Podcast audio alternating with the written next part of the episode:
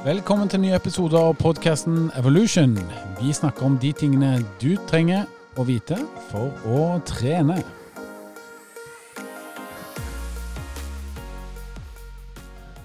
Velkommen til nye episoder, alle sammen. Tusen takk for at du lytter på oss. Henning heter jeg, jeg har vært som vanlig. Og i dag så har jeg med meg eh, Halvor.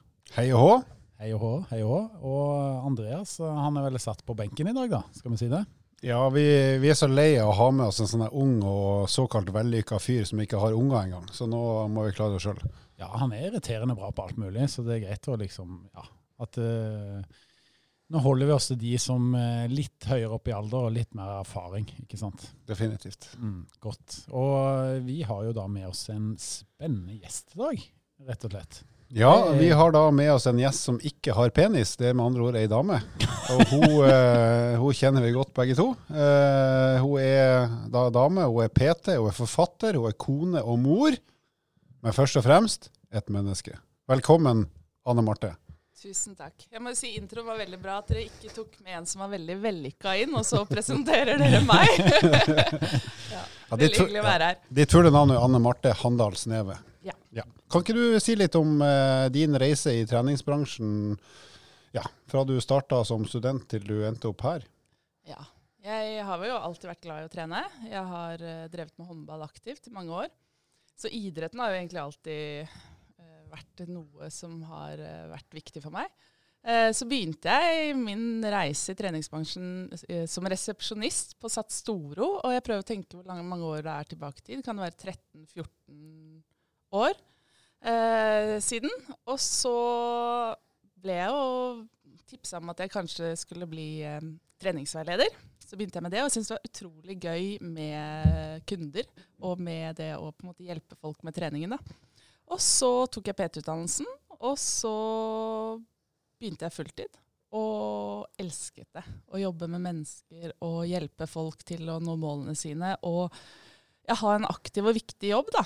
Eh, så jeg jobba ganske mange år som trener. Og så var jeg med i en serie på TV 2 som var i samarbeid med Sats når jeg jobba der. Så det var mm. sånn jeg egentlig kom inn i det.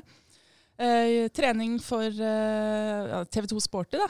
Eh, og da, etter den serien, så begynte jeg å jobbe mer med bedrifter og trening og helse. Og så for to år siden så kjente jeg på at det jaget å jobbe inn mot byen og med barn, og at jeg på en måte kjente litt på det stresset. da. Og så har jeg alltid hatt en drøm om å bo på gård. Ikke drive med dyredrift og den biten, men å ha et sted og ha et område du kan utvikle og ha konseptet på. da. Så vi har uh, bygd opp en gård med trening. Så nå jobber jeg derfra. og elsker det. den gården kalles vel Sportygården, gjør den ikke det? Ja, Sportygården. Hva, hva, gjør dere der egentlig? Hva, hva, er det mulig å få til på den? Oh, det er veldig mye forskjellig. Det er, eh, for det første så er det et verksted som vi har gjort om til en stor treningsstudio. Så vi har ikke kunder sånn, eh, som har medlemskap, men vi har personlig trening, vi har smågrupper, jeg har jentecamper, eh, og vi har på en måte mer sånn konsepter vi tilbyr. Uh, så det er egentlig bare muligheter til alt innen trening, da. Så skal jeg få meg noen høner etter hvert, da, så jeg får litt sånn gårdsdrift. wow, det må jeg si, Halvor. Det, det, er vel et stykke Det er en tid til vi begynner å få uh, Lenge til vi får høner. Legge egg. Men du eh, Anne Marte, du har jo skrevet noen bøker òg, har du ikke? Vi har jo faktisk skrevet en bok sammen, ja. husker du det? ja da, jeg husker det. Nei, det, ja, det har blitt fire bøker, da. Så det er jo noe med det at uh, man har mye på hjertet, og man ønsker å formidle trening på en enkel måte. Så da er jo det å skrive bøker veldig gøy. Krevende, men uh, gøy. Hva heter de ulike bøkene dine, Anne Marte? Uh, Styrkebibelen for jenter, som er mer uh, mitt uh, hjertebarn, da, at jenter skal trene styrke. Og så er det Supersunn familie uh, på tolv uker, som handler mer om hvordan man kan som familie gjøre grep for å være aktive sammen med barna. Og så har jeg jobbet med en bok som er mer overskudd, da, sånn helhetlig. Overskuddsboka. Og så er det da maksimal fettforbrenning. Var det seks uker, tolv uker eller åtte? Hva var det? Åtte, åtte og en halv uke, tror jeg. åtte og en halv uke. Uh, der jeg var med, det var jo Halvor sitt verk, stort sett. Men jeg bidro med treningsprogrammer og bilder. Mm. Ja, og veldig mye mer òg. Ja. Men du, apropos det her med overskudd, sånn, du har jo en mastergrad i det vi kan kalle helsefremmende arbeid. Og det handler vel om mer enn bare å bevege seg, eller? Ja, eh, og det er jo egentlig litt interessant, for jeg føler litt min reise som trener også har utvida seg litt. Fordi ofte så er det jo sånn med Som personlig trener så tenker vi liksom OK, folk må trene, spise sunt og høre på oss. Men så er jo det å ha god helse veldig mye mer, da. Eh, og bare det å være ensom, f.eks., eller stress, søvn. Eh, det er mange faktorer som på en måte kan påvirke helse, da. Eh, og det er ikke nødvendigvis bare den som er i best form, som på en måte, og ja, den totalt sett har best helse. Fordi det kan være andre faktorer som spiller inn. da. Uh, og det er egentlig ganske interessant da, i forhold til det helsefremmende at uh, man må se helt på helheten. da. Så det er jo i disse koronatider, da, der kanskje mange er mer ensomme, trener kanskje litt mer, mere, og det er bra for helsen, men så har du også på den andre sida det negative som gjør at du ja, kan påvirke helsen den andre veien. da. Så helse er mer enn trening og spise sunt. Det er hele pakka. Så når jeg sykler altfor lange sykkelturer, så er det et tegn på at det egentlig går dårlig. Ja, ja det kan være. Kan være. Eller når Henning loffer rundt på Ryen og er ute på kilometer 25. Ja, ja, ja. Nei, men jeg skal løpe hjem i dag, jeg, så jeg ser frem til det. Det er jo fint vær ute og ja, få seg en god løpetur. Jeg må si at Halvor han henta jo meg hjemme i dag, for vi bor ikke så veldig langt fra hverandre. og noe av det første han sa, det var at løp du hjem fra jobb på fredag, eller? Ja, det, det gjorde jeg da. Ja, du så forferdelig sliten ut. Så jeg vet ikke hvilken helsemessig tilstand jeg var sånn i halv fem-draget på fredag ettermiddag, altså. Men det som er at jeg hadde kjørt en ganske tung økt kvelden før, så jeg var veldig tung i beina. Og det, det så jo da den eminente Laustad. Ja. Du så ut som en kulestøter i siste del av æresrunden på Bislett. Veldig bra. Tungt og tregt. Du, eh, Anne Marte, litt, eh, litt mer om deg som person og din sånn tidlige yrkeskarriere. Eh, du er jo kvinne eller dame eller jente eller hva man skal kalle det, og så har du vært trener nå i mer enn ti år. Er det noe Jeg er jo da åpenbart ikke det, jeg er jo mann, og det er Henning òg, men hvordan har det vært å være jent, ung dame eller ung kvinne i, i bransjen og være PT sånn for 10-12 år siden, kanskje til og med fram til i dag? Har, er, hvordan har det vært? Er det noen spesielle episoder eller andre ting som For det første så var det jo ikke så mange eh, fulltids-Peter eh, når jeg begynte opp. Eh, det var egentlig litt sånn fortsatt i den perioden at det var litt luksus å ha PT. Det var kanskje idrettsprofiler og kjendiser som hadde PT. Eh, og så ble det jo, var jeg heldig å være en del av et senter, da, Sats Storo, sammen med Henning og flere, som vi var samtidig bygde oss opp. Så det ble en veldig på det senteret så var det veldig populært å ha trener, så det ble sånn der at vi fylte oss opp veldig fort. da. Eh, Så flere og flere fikk jo på en måte smaken på eh, å ha en personlig trener og kjenne etter hvordan det er å få hjelp. Eh, og så er det jo sånn at for mange så er det å være en personlig trener, det er en rolle jeg vil si mange mangler i livet sitt. Det å ha en person som ser deg, eh, hører på deg, og som er der for deg. Bare deg den timen. Så for mange så var jo dette, dette på en måte veldig mye mer enn bare treningen. da. Og så er det jo sånn da at noen, noen da mis, ikke mistolke, men det kan jo være en, folk som da eh, får en positiv oppmerksomhet fra en dame, da. Eh, Deg, f.eks. særlig i starten, når det ikke var så etablert. Så man har jo fått noen meldinger på kvelden og bare koser seg med vin og hilsen eh, PT-kunden, ikke sant. Og så svarer man hyggelig, og så stopper man der, på en måte. Ja. Og, ja. Men jeg vil jo si at jeg har jeg, Det er ikke noen sånn spesielle ekle historier, egentlig. Eh, jeg er jo veldig tydelig på uh, hvem jeg er og hva jeg står for, så sånn sett så har jeg unngått å få noe Ja, jeg kan jo si det at eh, Vi da jobbet jo sammen i SATS på den tiden, da, og, og dette var vel eh, ca. fra 2006 og frem til 2010, i hvert fall for min del, at jeg jobbet i SATS sammen med deg. da, og ehm, det, På den tiden da, så var vi ca. ti personlige trenere på det senteret. Det var det SATS-senteret som var blant de største faktisk i Norden. Eh, og det mest lønnsomme faktisk for de som er opptatt av butikk. Eh, og vi var jo tre PT-er som jobbet fulltid der en periode, øh, og resten jobbet deltid. Og du var jo da den eneste kvinnelige PT-en som jobba fulltid. Og jeg må jo da påpeke det at det var jo kjærkomment blant medlemmene. Og det, det er jo mange som ønsker å bli trent av ei kvinne, ikke bare oss gutta. Det var jo et ganske mannsdominert yrke ganske lenge, så det var jo veldig hyggelig å få deg inn som en PT som virkelig satsa fulltid på å være PT. Og det det tror jeg kanskje var litt poenget med spørsmålet ditt Mm, òg, hvis jeg mm. ikke tar feil alvor. At det, det er veldig fint å få inn eh, kvinner som er fulltidstrenere, og som gjør det bra i yrket vårt, og som blir det i veldig mange år. Så, sånn sett så tror jeg at du var en pioner da, i forhold til å være en kvinnelig PT som virkelig satsa på yrket, og som jobbet mye. Og det, det var jo hyggelig å se for oss òg, Halvor, som, Ja, ja. som jobbet i Sats på den Og så er det jo morsomt å tenke tilbake når man er ny trener. Så tenker jeg tilbake på mye av det jeg gjorde med kundene mine. At, at jeg eh, sikkert hadde gjort det litt annerledes i dag. Men samtidig så vil jeg jo si til alle de som tenker å ha en personlig trener og den biten der, at det handler veldig mye om kjemi og å finne en PT som ser deg. Og det trenger ikke å være den som har lengst fartstid i bransjen eller har seg på mest studiepoeng.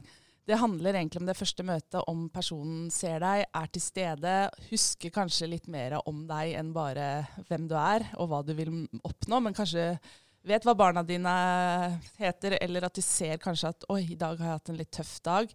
PT-en min trenger å på en måte gjøre noe annet.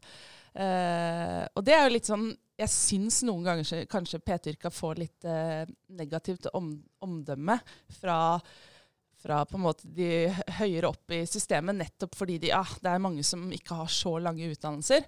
Men den jobben man gjør altså Hadde de vært i et studio, da, et PT-studio, eller vært på EVO eller andre steder, og sett alle de møtene med mennesker der folk blir sett, du oppnår mål, du kommer i gang med treningen, så er det for folkehelsa vil jeg si at det er en kjempeviktig jobb. da. Mm. Ja, her må jeg jo bare skyte inn og si det at eh, ja, det er riktig som du sier at PT-yrket har jo eh, ulike tider blitt eh, egentlig kritisert litt for at det er en ganske kort utdanning. Og fordi at mange av PT-ene ikke har nok eh, faglig kunnskap. da.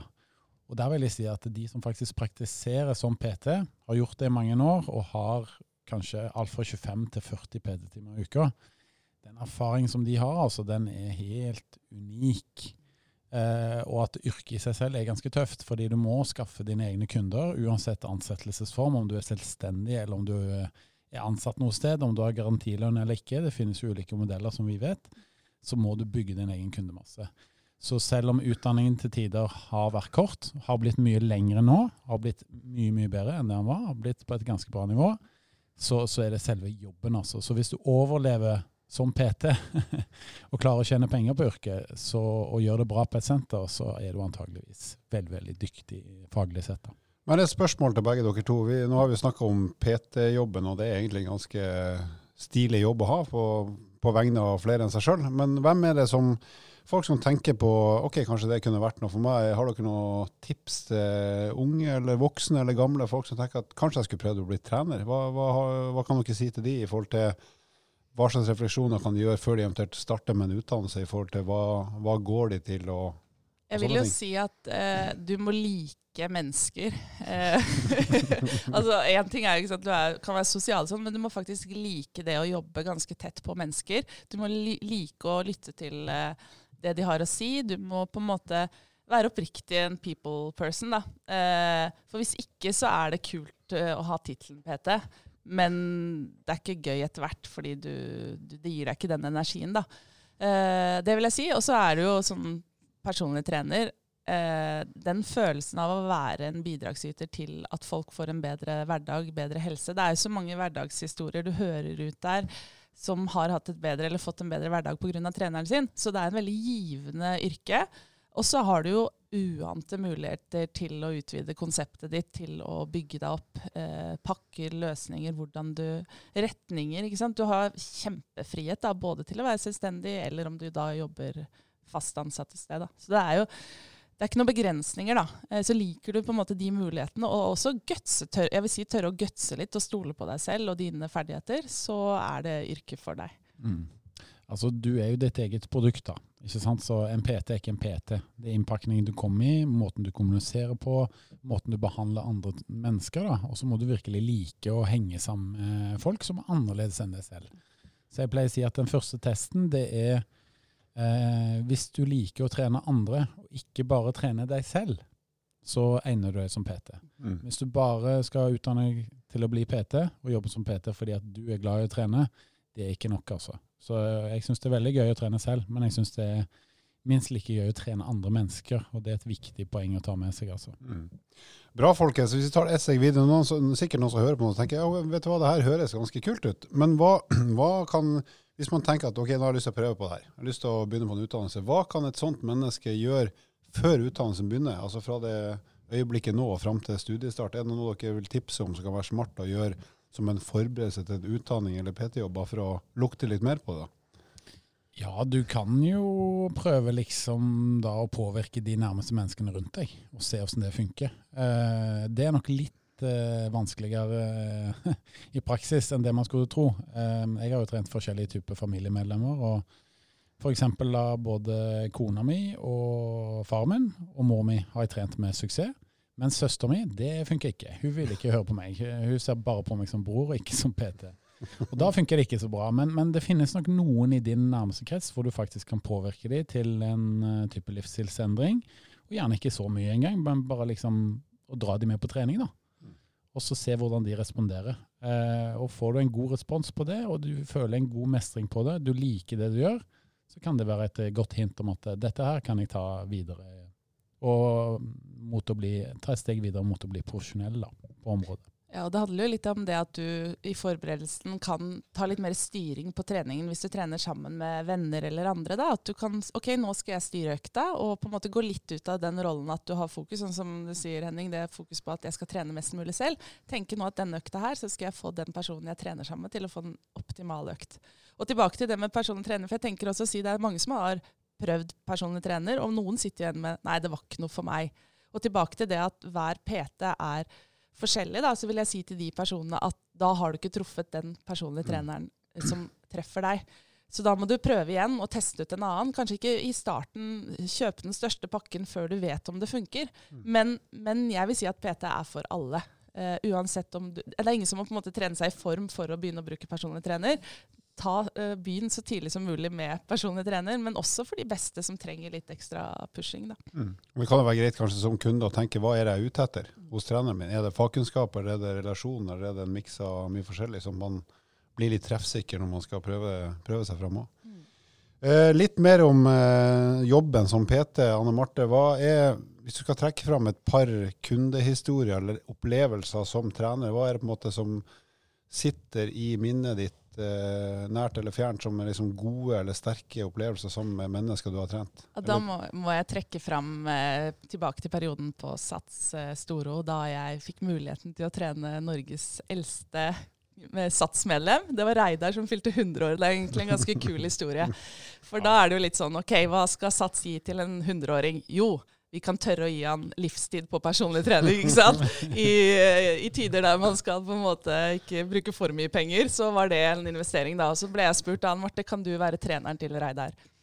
Eh, og det første møtet med en hundreåring, så blir det jo litt sånn ærefrykt. da. Ok, dette er en person som har levd et langt liv. Han må ha, Én ting er gode gener, men han må også ha gjort noe riktig i livet sitt. da.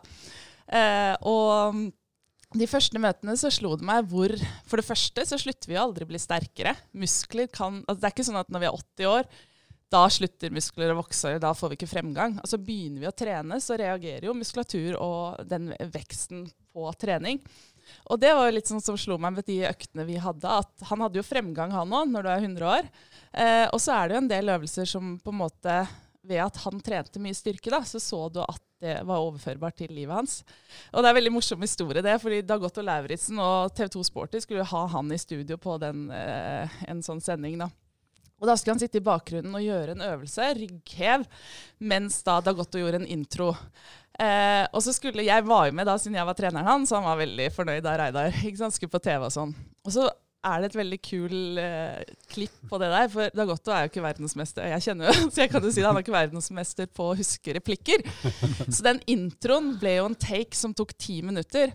Og rett før så hadde vi, det var et rygg, uh, ryggheveapparat Reidar skulle sitte i bakgrunnen. Så sa han OK, ti kilo mer enn jeg pleier. Så jeg bare Skal vi gjøre det i dag, altså? Ja ja, jeg er på TV. Og så kjørte han jo på da, og satt da ti minutter i et ryggeapparat med ti kilo mer enn han pleier.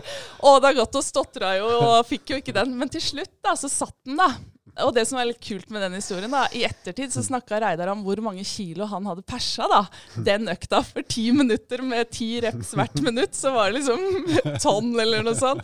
Eh, og han lever jo ikke lenger nå, men akkurat det minnet der å se en hundreåring være aktiv og datteren hans, Annelise, som jeg også fikk et godt forhold til, hun var jo over 80 og ble jo ungfola på senteret, liksom, i forhold, da.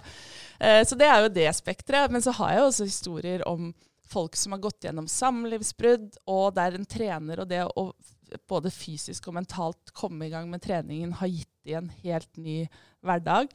Du har folk som har slitt med angst. Du har på en måte mye forskjellige historier da, der du ser at det å være fysisk aktiv har bidratt. Eh, ja, det er ganske rørende egentlig å Mm. være med på. Mm. en veldig fin historie. Og um, det dukker opp masse minner her òg i forhold til mitt uh, lange yrkesliv som PT. da. Så det er virkelig et givende yrke. Mm. Nå har ikke du gjennomgått noe stort samlivsbrudd enda, så eh, du, trenger, du trenger vel ikke Nei, det er vel sånn Hvis man overlever gjennom koronaperioden i det forholdet man er, så er det bulletproof, er det ikke det? Du får får, lover godt. du får bare ringe oss hvis det skjer. Men uh, uansett, da. Hvis du tenker litt på deg sjøl, hva er det du liker å trene? Altså, Hva, hva slags treningsaktiviteter gleder du deg til? Jeg spilte jo håndball i mange år, og på, på en måte oppover på et høyt nivå. Så ga jeg meg med det, og da mista jeg veldig piffen egentlig til trening. Da ble det mer OK, dra og trene et program. Og på en måte, du fikk ikke noe ut av den der konkurransen, den lag, lagfølelsen og sånne ting. da. Og så For noen år siden så begynte jeg å trene mer crossfit-inspirert, da, og var en del av CrossFit Sandvika en boks da, og trente masse der. Og da fikk jeg tilbake litt av konkurransebiten, variasjonen, hele tiden finne nye ting å bli bedre på. Altså det å lære seg å stå på hendene når du er over 30 år, eh, det å klatre i tau igjen, det å lære å hoppe dobbel eh, Altså det var så mye nye ting som plutselig Da ble det ikke Treningen var ikke for å holde formen og holde seg f- på en måte rask og sterk, men det ble mer for å bli bedre på ting. Mm. Og da, da er det ikke et ork å trene i det hele tatt. Da er det mer det at du gjør det fordi det er, det er gøy, da. Eh, så jeg er veldig glad i variasjonen eh, og det ja, mye mer korte, intensive økter nå. Jeg har jo vært en periode jeg var veldig glad i å løpe litt lengre. Eh, men nå er det liksom mer den ja, funksjonell trening med mye forskjellige øvelser. Eh, og så kan man liksom følge med hele tiden da på hvor mye sterkere du blir, hvor mye lengre du får til ting. Så du har veldig mange parametere som bekrefter at du har fremgang. Da. Og det er jo det jeg vil si er det noe av det mest motiverende. Det å ha svart på hvitt fremgangen. For det forteller deg at du på en måte er bedre enn i går. da. Men eh, du Anne Marte, du eh, hadde jo hørt på et par episoder på veien hit i, i bilen, forstår jeg. Og du eh, påpekte jo at jeg hadde skrutt litt av meg selv da, i forhold til min NM-bronse. Så kanskje du kan eh, bidra med hva din prestasjon var med Det var jo litt samme morsomt mesterskap. at Olav Tufte han, eh, han nevnte ikke sine bragder, men du fikk inn en bronse i et NM i Norge. Det er liksom eh, Nei da. Inn, innendørs. Innendørs. Men jeg har jo jeg, ja, Hvis man skal inn på den, så har jeg faktisk et gull jeg da i innendørs-NM i roing. Og så har jeg et gull i NM i håndball med Nordstrand. Men det skal sies at jeg var ikke den spilleren som da, Det NM-gullet, da var eh, Nordstrand mot Tert, Tertnes i finalen. Og det var fem minutter igjen av kampen, og da så han eh, kroatiske treneren at oi, nå, hvis alle, alle får medalje, de som har vært på banen den kampen Og jeg var jo venstre bakspiller, så jeg ble satt på høyre kant, da. Men jeg fikk jo ikke noen baller, jeg skulle bare løpe der. Men da fikk jeg i hvert fall eh, gull, gullmedaljen, da. Ja, det er imponerende. Ja, det er bra, da. Det er imponerende uansett, altså. Ja, ja. Men hvis du skal beskrive den eh, økta du liker best, selv om jeg skjønner at det er mye forskjellig, men dra oss gjennom hvordan ser ei sånn artig økt ut for deg som du virkelig liker? Hva gjør du, hvor mye, hvor lenge, osv.? Eh, jeg liker ofte øvelser der du kanskje altså Innenfor crossfit så er det ofte noen eh, benchmark-økter. Og en jeg liker veldig godt, da, som de fleste hater, er en som heter Murph. Da skal du ha på vektvest og skal løpe eh, 1600 meter først. Og så skal du gjennomføre da 20 runder av fem pullups, eh, crossfit-pullups, da, så det er ikke strikte Mm. sånn sett. da, 10 pushups og 15 air squats, og så skal du løpe da 1,6 eh, km igjen. Oi. Så det er jo en økt som tar uh... Kjempegøy. Jo, men, det, men jeg liker uh, Jeg er best Altså jeg syns det er morsomt å kverne lenge, og på en måte ikke Ja. den høyeste maksfarten, men å være liksom uh, sliteøkter. Eh, og det er kanskje Ja. Men det er jo ikke en sånn økt jeg setter Apropos PT-kunder og den, det er jo mer eh, mitt Men det må jo ta ganske lang tid. Ja, da ligger du liksom mellom 30 og 40 minutter på, på en sånn økt, da. Eller oppover, da. Ja. Altså, du trenger jo ikke kjøre den med vektfest, og du kan jo skalere ned repetisjonene. Men det er den kombinasjonen da, av Mm. at du gjør løping eller kondisjonstrening og styrketrening i samme økt. Mm. Eh, og så er det jo også sånne kortere økter der du kan på en måte eh, En økt jeg også liker, da, som mange syns er eh, eh, ja, 150, En økt som heter Karen, som er 150 wallballs mot en vegg. Som wallballs for damer er jo da seks kilo. da. Så skal du da ned en knebøy, opp og kaste den et visst target opp på veggen. Er det Ja, er det Jeg husker ikke helt hvor høyt Ganske, det er. altså det, er en, det er en stor og tung ball på seks sider Ja. som skal kastes ganske da høyt opp blir veggen. det ikke bare en medisinballkast, da, som man kanskje gjør eh, når man trener, men det blir en kondisøkt der du bruker hele kroppen. da. Mm. Så ja, Det er litt sånn særøkter, da. Men jeg liker at det er tungt, og andre syns det er slitsomt. Eh, og at jeg kanskje ja, eh, kan holde meg litt seig og være litt utholdende. Men du Anne Marte, nå snakker du litt om egen trening, og du er jo da tydeligvis i veldig god form på både styrke og kondisjon. Det, det må vi si. Altså, Helt greit i hvert fall. Helt greit. og jeg vil jo si at overarmene dine, det er jo lyttere dette, så de ser jo ikke, men overarmene dine de, de ser jo da mer muskuløse ut enn Halvor sine, f.eks. Nå har jeg, jeg har på meg jakke, da. Det vil jeg bare det er si. derfor du har på jakke i dag. Ja, ja. Men Halvor er jo blitt syklist, Ja. så han eh, får jo bare tynnere og tynnere armer. Ja. og Beina står vel greit nok til med Halvor, det er derfor du har shorts på. Takk. Selv, det er ikke så varmt ute. Nei, det er plussgrader. da. Nei, men det jeg skulle spørre om fra spøk til alvor, det er dette her med styrketrening for jenter. Eh, som jeg tenkte litt på da når du prater om egen trening. Er det liksom noen sånn forskjeller på gutter og jenter på styrketrening egentlig, eller? Altså, Litt overkroppsstyrke så har jo gutter eh, litt mer muskelmasse enn oss. Men du ser faktisk jenter kan være litt seigere i beinøvelser. Men tilbake til det med styrketrening og jenter. da, fordi jeg, jeg vil aldri bli en sylfide, en liten uh, nett uh, timeglassfigur, på en måte. Uh, jeg er ganske høy, jeg er på en måte bredskuldra. Og jeg liker på en måte å Jeg har funnet ut at det å være altså sterkt fysisk da, bidrar veldig bra som mamma og den biten der. Så istedenfor å sant, tenke hele tiden at man skulle vært eh, mindre eller annerledes, da, så har jeg heller tenkt at ok, jeg skal på en måte bli, en bedre versjon av, av meg og være, være sterk, takle ting. Og, og det er kanskje det jeg vil si til mange jenter, da, at det å trene styrke som jente, ikke vær så redd for om du blir veldig musk altså får mye muskler, eller om du på en måte fokus blir annerledes, for det er så mange fordeler. Altså Det der med beinskjørhet og det som vi, vi kvinner her i spesielt Norden da, har en høyere forekomst, at styrketrening og et godt kosthold kan forebygge det. I tillegg så vet jeg også, altså jeg har tre jenter, og de skal ha en mamma de skal se opp til. Og hvis jeg er en sånn som drar frem vekta hver morgen og bare dra på joggeturer fordi jeg skal holde meg slank eller ikke trene styrke, så tenker jeg det signalet jeg sender Jeg vil heller sende et signal til mine barn at de, at de ser på sin mamma som en sterk person da, som klarer å løfte de og være med å leke og den biten der. da. Så, så det handler jo egentlig om til jenter der ute, ikke vær redd for å trene styrke. Tenk heller hva du på en måte Alle de helsemessige faktorene som det bidrar til. Eh, og, så, er det jo ikke sånn at du over natta får biceps ut av denne verden, og at du bare angrer på at du trente styrke. Det skjer over tid. Eh, og mengde, da. Uh, og crossfit-jenter er jo ofte kjent for å ha litt mer styrke og være litt sterkere i kroppen. Da. Så uh, ja. Man har, jeg har egentlig tenkt mer at jeg vil være ja, en sterk versjon av meg selv. Mm. Egentlig morsomt at du sier det, for nå har jeg fortalt om dette her ikke trene styrke-prosjektet mitt, som går da over hele 2020. Når jeg fortalte det til barna, så blir det sånn Hæ? Nei, pappa, ikke gjør det! Ikke gjør det, pappa! Så jeg sånn, Hvorfor hvorfor det? Nei, du, du, du kommer til å bli så tynn, pappa. Ikke gjør det! Ja, men det er jo Da, det, kjempebra. er liksom, når barna på åtte og ni sier det, det syns jeg var litt morsomt. da. De har jo ingen grunn til å hengse seg. Du har, ikke, du har jo ikke blitt tynn. Takk skal du ha. Apropos det, på det med sulfide. Halvor, du er jo litt sånn med både smale skuldre og smale hofter. Du er Jeg ser jo sjuk ut. Og jeg ser sjuk ut, og jeg er bleik i tillegg, så det er egentlig ganske trist. Men eh, sånn som du jobber som trener i dag, hvem er, hvem er kundene dine i dag? Altså, Hva er liksom en typisk Anne Marte-kunde i 2020? Eh, nå har jeg jo l- 50 mammaperm, eh, så jeg har litt færre kunder. Men jeg vil si at eh, jeg syns det er morsomst å trene damer, egentlig. Eh, jeg har jo noen menn også, og jeg har fulgt opp noen, en, seks stykker i lokalavisa.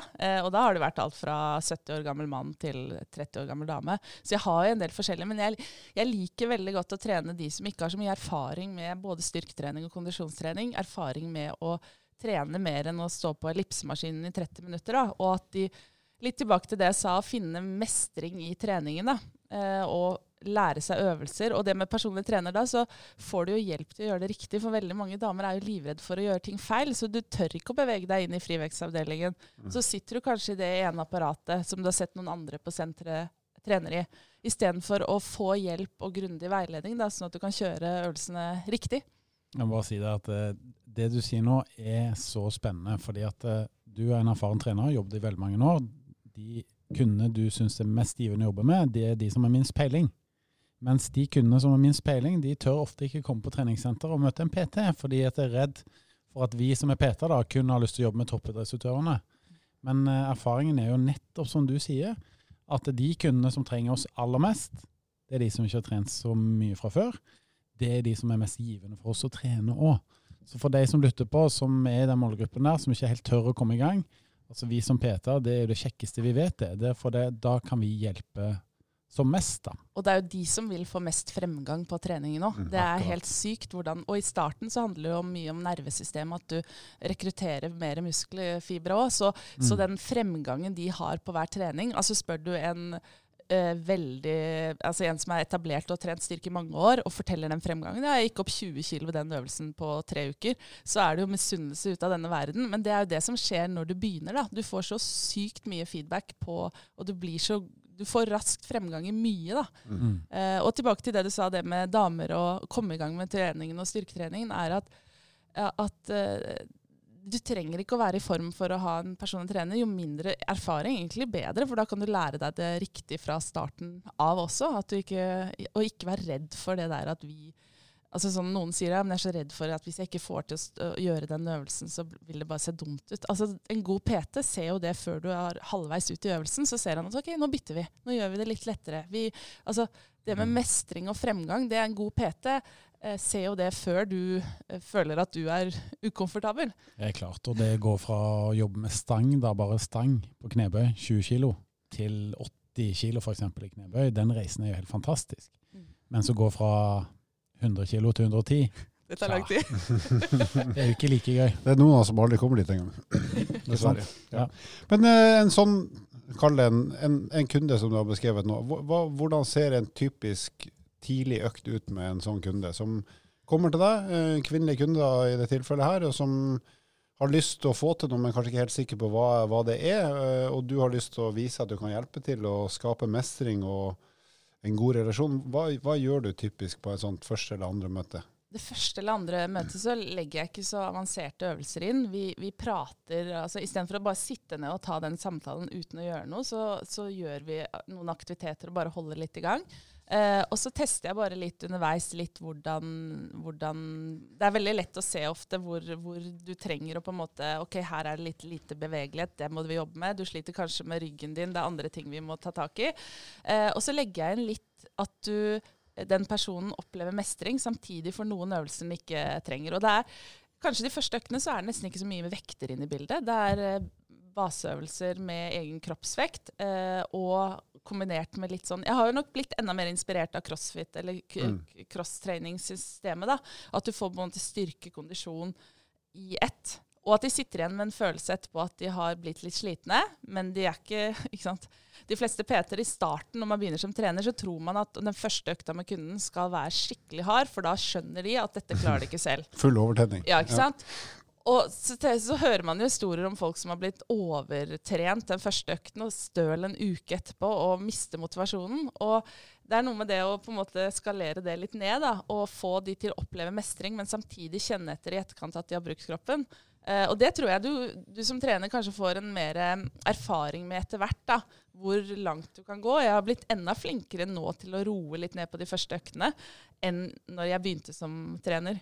Eh, og så er det ganske interessant for mange PT-kunder, så er det jo det første møtet med trener, så skjer det jo noe med energisystemet. At du, hvis du ikke har spist godt nok i forkant, hvis du på en måte ikke har optimale forhold, så kan du noen ganger gå tom under en økt. Og mange mennesker har jo aldri opplevd å gå tom eh, på mange år.